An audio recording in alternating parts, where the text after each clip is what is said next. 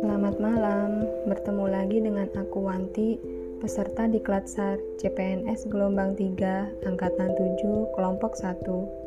Hari ini Senin 26 Juli, di Klatsar menggunakan pembelajaran asinkronus, yaitu belajar secara mandiri. Hari ini aku mengerjakan tugas individu membuat cerpen mengenai nilai aneka pada diri sendiri. Menjabat sebagai sekretaris pimpinan, lebih tepatnya Komisioner Pemantauan dan Penyelidikan Komnas HAM, saya mempunyai tanggung jawab mengurus segala bentuk administrasi yang berhubungan dengan pimpinan, seperti penyampaian semua surat, pendampingan pimpinan, mengatur jadwal pimpinan, membuat laporan kegiatan pimpinan, dan memenuhi keperluan kerja pimpinan. Menjadi salah satu orang terdekat pimpinan, saya mengetahui informasi yang bersifat rahasia baik informasi lembaga maupun informasi pribadi. Maka, saya harus menjaga kerahasiaan informasi tersebut dan tidak menyebarkannya ke orang lain.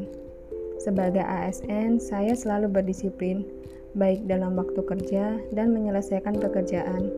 Datang dan pulang kantor tepat waktu, terkecuali ada lembur, dan sikap seorang ASN juga harus ramah dan sopan, baik kepada pimpinan maupun rekan kerja. Rasa nasionalisme di kantor ditunjukkan dengan memakai batik setiap Kamis dan Jumat, menggunakan bahasa Indonesia sebagai bahasa pemersatu karena keberagaman di kantor, saling tolong-menolong, dan musyawarah dalam rapat. Untuk tugas kelompok, kelompokku menyelesaikan tugas review film Toba Dreams. Toba Dreams menceritakan kesetiaan seorang prajurit bernama TB Silalahi yang rela berkorban demi kedaulatan negara. Beliau tidak mau menempati rumah dinas setelah pensiun karena itu bukan haknya. Dia mendidik anak-anaknya dengan keras layaknya militer.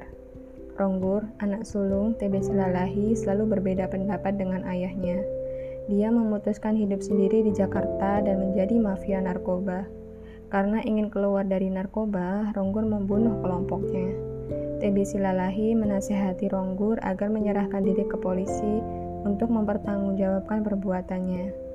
Dari film tersebut, kita belajar agar selalu menyayangi keluarga, mencintai bangsa dan negara, menumbuhkan jiwa anti korupsi, saling menghormati, bertanggung jawab atas segala tindakan yang dilakukan. Sekian learning journal aku hari ini. Sampai jumpa esok. Terima kasih.